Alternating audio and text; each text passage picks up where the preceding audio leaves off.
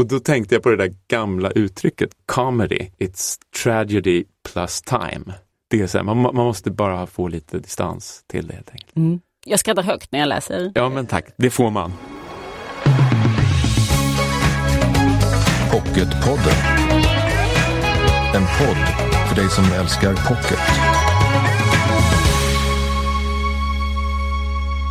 Hej! Idag kommer Jonas Karlsson hit. Han är ju en av landets mest kända skådisar. På bio just nu till exempel i filmen Quick, på Dramatens scen i Samuel Becketts I väntan på Godot.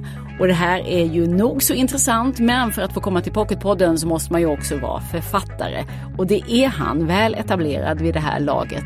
Och med en stil som är finurlig, melankolisk, vardagsnära och skruvad. Nu senast i romanen Regnmannen som vi ska prata om idag. Och sen en helt annan man i en helt annan genre. Kastanjemannen, en dansk thriller av Sören Sveistrup. Mer om den om en stund. Välkommen till Pocketpodden. Jag heter Lisa Tallroth. Regnmannen i romanen med samma namn, han heter Ingmar och det här är en man som börjar ana att tiden har sprungit ifrån honom. I sin kraftsdagar var han en driven och stridbar teaterregissör. Nu är han ganska trött och vilsen, känner sig missförstådd, plågad av ett verkande knä och en stor saknad efter sin hustru som dog för inte så länge sedan. Och kvar att hålla sig i då är trädgården och rosorna som Ingmar nu ägnar dagarna åt att sköta. Om det bara inte vore så förbannat varmt och torrt denna sommar. Hej Jonas Karlsson, välkommen till Pocketpodden. Hej, tack så mycket. Ja, nu har det hunnit gå lite tid sedan du skrev den här berättelsen, din första roman säger du, för det är den första lite längre historien, även ja. om du har skrivit mycket tidigare, framförallt noveller. Ja, alltså precis, egentligen skulle jag vilja säga att allting som jag skriver är noveller, de är bara olika långa. Ja. Men har du börjat klarna för dig nu vad det är för historia du har skrivit? Jag har förstått att det tar lite tid.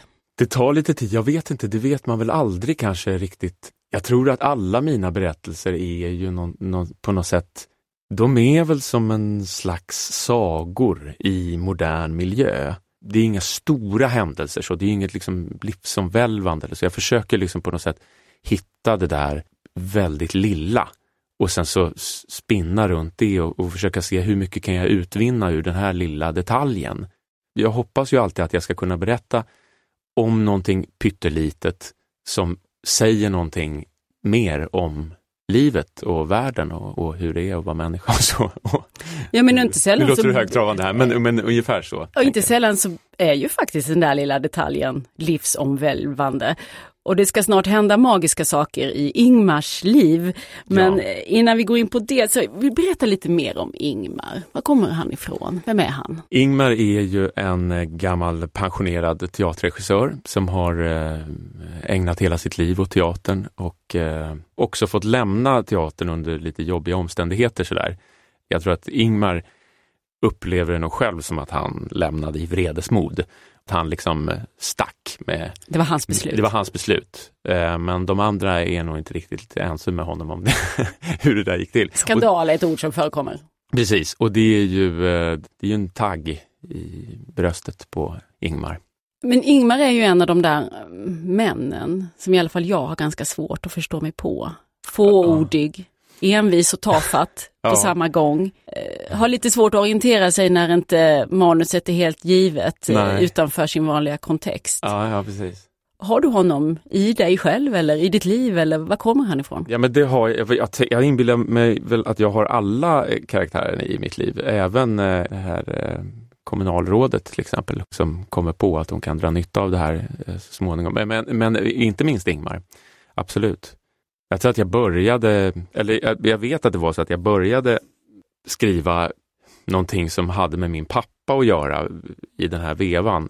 För att jag tyckte att det, var, det hände saker mellan min pappa och mig som, var liksom, som handlade om just det där att det var svårt att kommunicera och, det var, och han mådde dåligt också eh, på slutet. Så att vi, men jag såg också både fina sidor hos min pappa och eh, andra sidor. Som jag, som, så jag började jag började i den änden att skriva om honom och sen så när jag fick den här idén om kranen så märkte jag att det här blir ju då en berättelse. Sen blev det liksom mindre och mindre min pappa.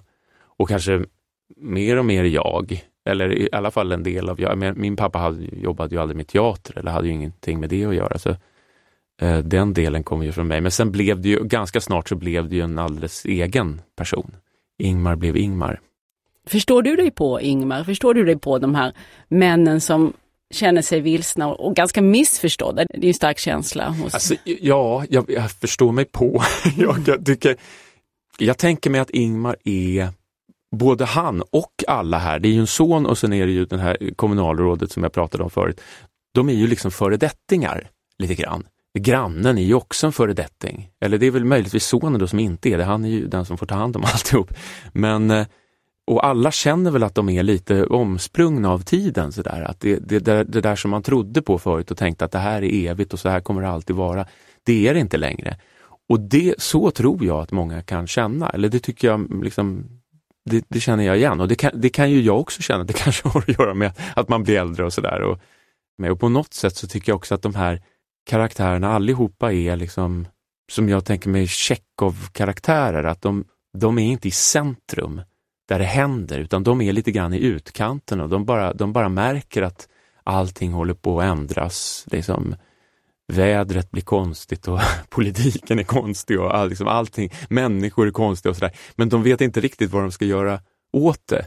Eller de får bara finna sig i det på något sätt. De är, de är där i utkanten någonstans och, och, och, och känner att de förmodligen inte kan påverka så mycket. Och det är väl därför som det blir extra spännande när man upptäcker det om man då som Ingmar upptäcker att eh, mm, jag har hemliga egenskaper här. Så jag ja, kan, den här kranen kan. du nämnde, för det är ju det som händer i det här läget när Ingmar börjar tänka att eh, saker och ting håller på att ebba ut i hans mm. liv. Då hittar han i sin trädgård en kran och med den visar det sig att han kan styra regnet. Denna vansinnigt torra törstande sommar när ja. alla vill ha regn, något vi ju har själva ja. i färskt minne. Och det är ju otroligt, eller hur? Ja, det är ju, man kan styra regnet. Det är otroligt, ja. verkligen. Och varför ville du ge Ingmar denna märkliga, magiska förmåga?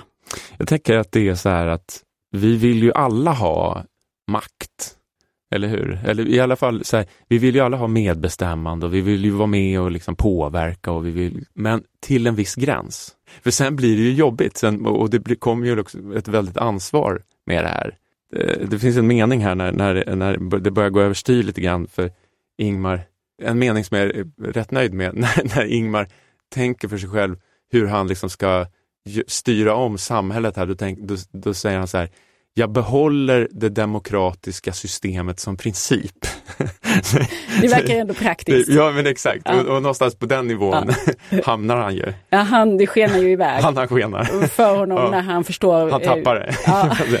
Ja. men, men jag tänker också, det är klart man kan läsa det här på olika sätt. Som en saga som du sa och det här magiska kan man ju fundera på vad det egentligen är som händer. Men jag funderar på om man kan se det som någon slags eh, överlevnadsstrategi. Jag mm. tänker på hur han också pratar om sitt liv på teatern och hans arbete som regissör och du skriver att man behöver ju en släng av hybris, annars skulle ingenting bli av.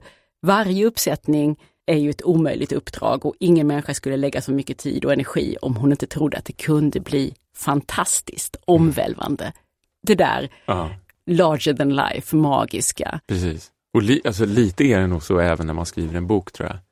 Man måste nog ändå tänka att oh, det här ska bli så det här ska bli jätte, jättebra. För det är ju otroligt många timmar och man, man, man kan liksom inte tänka mig, ja men nu ska jag skriva någonting som är halv, så här. men det blir halv. Man måste ändå sikta där uppe på något sätt, för att annars skulle man ju aldrig kunna Just med teater så har jag tänkt på det så många gånger, att man lägger ner så otroligt mycket tid och man håller på och kämpar och knölar och grejar med. Jag har ju precis haft premiär nu, alldeles nyss, på I väntan på Godot på Dramaten.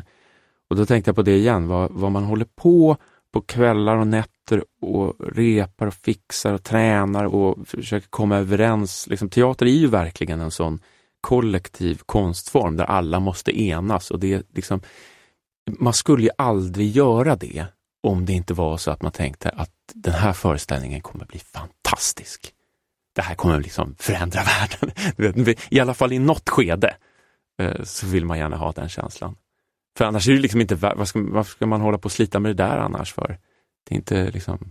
Hur ofta, det, det är inte du, pengarna om, om man säger så. hur ofta får du uppleva det då? Nej, men, Ingmar jagar ju den perfekta föreställningen hela sitt liv. Ja, men, ja, exakt, han gör ju det och han har väl egentligen han, han, han refererar ju till en uppsättning av Per Günther på du vet, 60 eller 70 dagar eller när det nu kan ha varit. Som han tyckte att, ja men där var han liksom, där var han uppe och nosade lite på det. Men, men det är väl så det är och så är väl kanske livet överhuvudtaget. Att, att man siktar mot stjärnorna liksom. Men, och någon gång får man ändå känna av det där, att ja men det här blev jag, vet, jag tycker ändå att jag har, liksom, några gånger så tycker jag ändå att eh, jag får till det. Och, och sen är det väl så här, man når ju delmål också. Vissa så, ja men den här, eh, den här föreställningen eller den här boken eller den här berätt, filmen eller vad det nu är, det blev i alla fall liksom det där som man ville. Kanske inte liksom, det vore väl nästan konstigt om det blev exakt det där storslagna som man hade sett i sina drömmar. Men behövs det där, den här magin som någon slags drivkraft i livet? Jag tänker mig att Ingmar behöver det. Han behöver liksom en tro på att saker är större. Större, större än han själv är, ja. ja. Det tror jag väl kanske att vi alla behöver. Och jag tror också att det är sådär att man gärna tar till det där, kanske när man känner sig lite svag. För jag kan vara sådär att eh, om det är liksom ett känsligt skede, eller så att jag kan, nu, nu, nu, väljer jag, nu väljer jag den här vägen till teatern, för det gick ju så bra igår när jag gjorde det, eller du vet sådana där saker. Eller liksom, man vill gärna, apropå ansvar och, och makt, så man, man vill gärna lägga över lite ansvar någon annanstans, Mm, eller liksom mm. på någonting annat.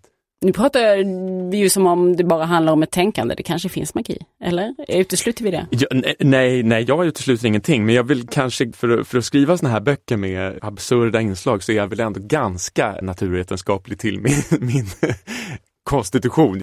Men, men däremot så tycker jag tycker väldigt mycket om att använda mig av det surrealist, eller liksom det absurda inslaget i berättelserna, därför att jag tycker att det är också så att om man skriver som jag gör, som, som ändå håller mig liksom inom en ganska, som jag sa, vardaglig sfär, sådär. och sen så ställer man in ett absurt element mitt i det här, så blir det ju så att då kan alla se, oj, vad, det här är ju konstigt, vad märkligt, vad, så där är det ju inte. Men det gör ju också att man tittar på allting runt omkring det här och ser så här, ja men det där är ju också konstigt, men så är det ju i den här världen, eller så är det ju på mitt jobb.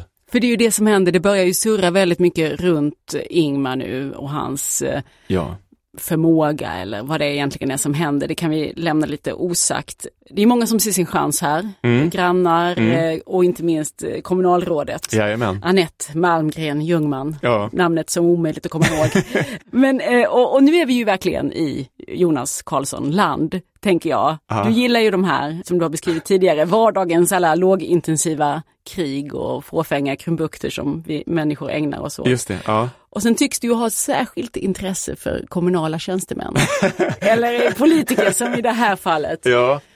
Hur kommer det sig?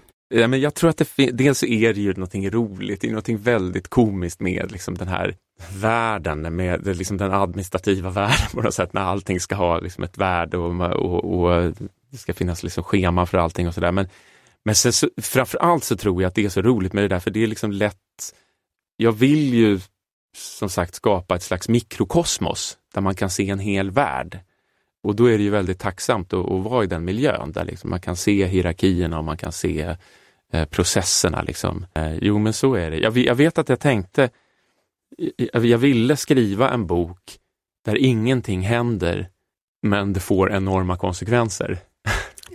Ungefär så, det var liksom min föresats. Och nu vet man inte riktigt vad som händer. Nej, nej. Kan vara ingenting. Nej. Kan Ja, vara nej, någonting. Precis, precis. Det är upp till var och en. Men du, jag tänker på dina figurer, för Roland till exempel i din tidigare roman Jag är en tjuv, vi har Frida i God jul och Ingmar här i Regnmannen. De, Ja. De har ju mycket gemensamt, de kämpar ju alla med att behålla fotfästet Ja. i ett liv då som inte riktigt har blivit vad man tänkt sig.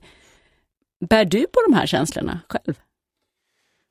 Ja, absolut. Jag, eh, jag undrar om inte det liksom är lite grundläggande för, för oss alla. Fast tänker du, jag. du vet, från där jag sitter så är ju du en väldigt framgångsrik person. Ja, en ja, ja. skådespelare, Ja, uppburen och författare. Ganska långt ifrån de här tjeckovska karaktärerna som undrar vad de har på scenen att göra. Jag, jag förstår. Ja, men, jo, så kan man ju se det. Men, men även för mig, ska jag säga, så, så är det väl så att, nej men skämt åsido, jag, jag tror verkligen att det är en av, eh, liksom, ett av livsvillkoren. Det är väl så att det, det blir ju aldrig riktigt som vi hade tänkt oss. Och eh, sen är det väl bara att handskas med det, helt enkelt. Um, men, men jag ska inte, jag, jag, klagar inte faktiskt, jag har det väldigt bra. Jag är ju enormt nöjd med att få hålla på så här som jag gör, att jag får liksom spela teater och uh, göra film och skriva böcker också. Det är ju fantastiskt. Och nu är du ju, som du sa, nu står du på scen eh, på Dramaten i Väntan på Godot, ja. Samuel Becketts klassiker. Och jag tänker att den passar ju dig, måste den göra. Det är ju det här ja, som det du pratar om precis just nu, eller ja. vad tänker du själv om släktskapet mellan dig och jo, Beckett? Jo, det, det, det gör den verkligen, ska jag säga.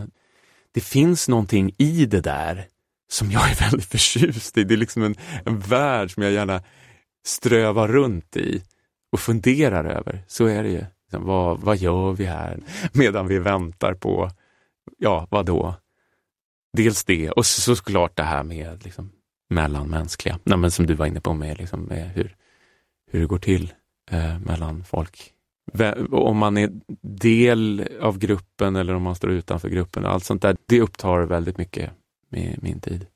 Nästan lite överkänslig för det där också, stämningar eller du vet, liksom, och sen så, det är jag menar inte sällan så är det ju rätt roligt också om man börjar rota lite i det och se hur folk beter sig och hur man beter sig själv och vad man har för olika bevekelsegrunder för att göra det. Det är ju, jätte, det är ju jätteroligt. Alltså ja. det, du, har, det, du ser ju det roliga och absurda i, i tillvaron. Det är kanske så du också hanterar de här tvivlet på existensens mening. Ja, ja. Att man kan i alla fall skratta ja, ja, men, medan man är här. Ja, ja, men lite så är det ju. Jag har funderat på när jag läste dina böcker om de här figurerna då, Roland och Ingmar och Frida och de här vanliga personerna. Skrattar vi, skrattar vi åt dem eller skrattar vi med dem? Nej, jag hoppas ju att vi skrattar med dem. Eh, det hoppas jag verkligen, för jag tänker ju mig att jag är att det, liksom, det, ja, men det finns stora delar av mig själv i dem. Sen, det, sen har jag ju naturligtvis vridit upp eh, som volymen på dem eller tagit ut svängarna sådär. Men jag tycker ofta, jag, jag, jag söker ganska ofta efter ett, ett tillstånd på något sätt när jag, när jag skriver som, som jag tycker är, det är just när man kan få det här lilla genansryset. Liksom för att, ja, men som den där meningen som jag läste med eh, jag behåller det demokratiska systemet som princip. Någonstans när man har skrivit en sån musik så kan jag känna så här, oh, tänk om folk tror att det här är jag, eller, du vet, eller vad ska de tänka? Och jag, jag nu har du ju precis sagt att det är du. Ja, ja, ja men, lite exakt, grann. lite grann. Och, och det är ungefär som när man spelar en roll. Att det är också jag, man måste ju på något sätt gå in med sig själv och tänka så här, men nu är det jag som gör de här, även, även om man spelar en jättehemsk, även om man spelar liksom Rikard den tredje eller vad det nu är för någonting. Mm. Du, du, har ju skrivit för scen tidigare och, ehm, och dina texter har ju blivit film. Ja. Du rör dig mellan dessa olika medier. Skulle du vilja se Regnmannen som film? Eftersom du skriver så koncentrerat i tid och rum så... Ja, just det. Ja, precis. Och persongalleri så... Ja, jo, det finns nog filmiska scener där kanske. Jo, men eh, absolut, hemskt gärna. Sen är ju en bok är ju en bok på något sätt och en, en film är en film. Och... Kan du frigöra dig när du skriver från tankarna på att det skulle kunna bli någonting sceniskt? Eller ja, filmiskt? ja, det tror jag. Däremot läser jag alltid allting högt medan jag skriver. Gör jag det. Inte bara dialoger och så. Det är liksom lättare att höra då om man har skrivit för mycket eller för lite. Oftast har man skrivit för mycket. ja, för du vill ha det kort. Jag vill ha det kort. Men ja. nu blir det ju långt vartefter här. Det jag blir vet, längre och längre. Jag vet, jag vet inte vad blir vad det, vad blir det? Vad, kommer det bli ännu längre? Det, ja, det kanske det blir. Eller så blir det kortare igen. För nu skriver jag på någonting som kanske ändå trots allt är en novellsamling. Men det får vi se. Det får vi se. Än så länge nöjer vi oss med Regnmannen ja. som ju finns som pocket nu. Tack så mycket Jonas Karlsson för att du kom hit. Ja, tack för att jag fick komma. Pocketpodden. Från Regnmannen till Kastanjemannen som är namnet på den roman vi ska prata om nu. Det är den danske författaren Sören Sveistrups första roman, en thriller och förläggare för den här i Sverige är Helena Ljungström från Albert Bonniers förlag. Välkommen till Pocketpodden. Tack så mycket. Vad är det här för slags eh, figur, Kastanjemannen? Sören Sveistrup är ju en dansk författare och i Danmark, om jag har förstått rätt, så är kastanjemän eller kastanjegubbar, det är samma sak som för oss sådana här litet eh, djur. Alltså att barn som är ute och leker i skogen så gör man ett litet djur av en kotte. Medan i Danmark så är det ju mer kastanjer, så där gör man figurer av kastanjer.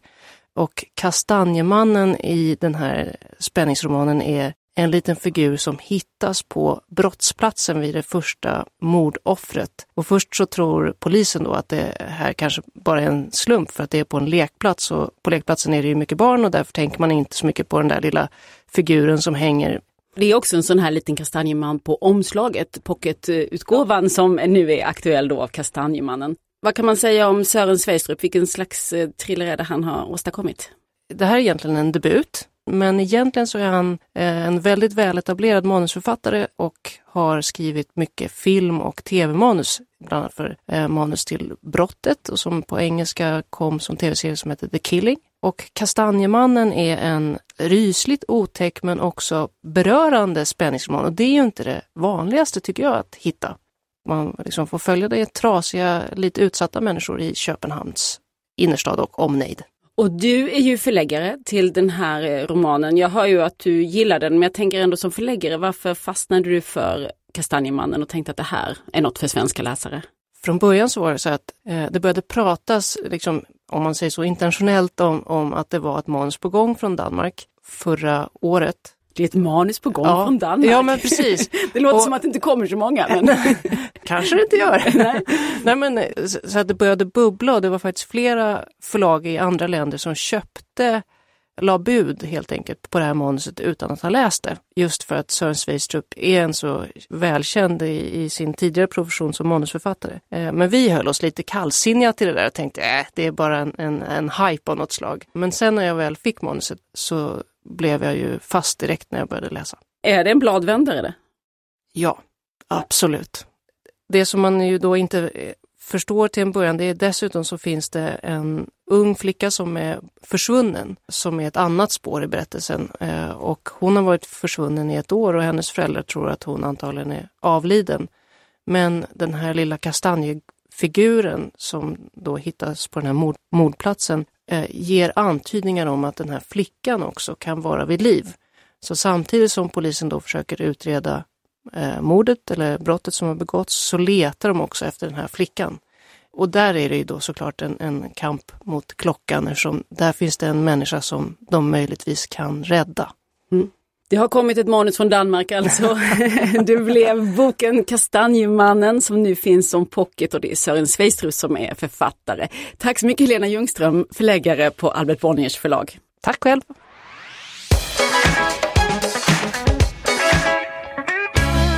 Nästa vecka här i Pocketpodden hör du Caroline Cederqvist som har debuterat med en omskakande uppväxtskildring Jag andas, alltså finns jag. Det handlar om att bryta med sina föräldrar och det ska vi prata om nästa vecka. Tills dess, följ oss gärna i sociala medier. Älska Pocket heter vi där.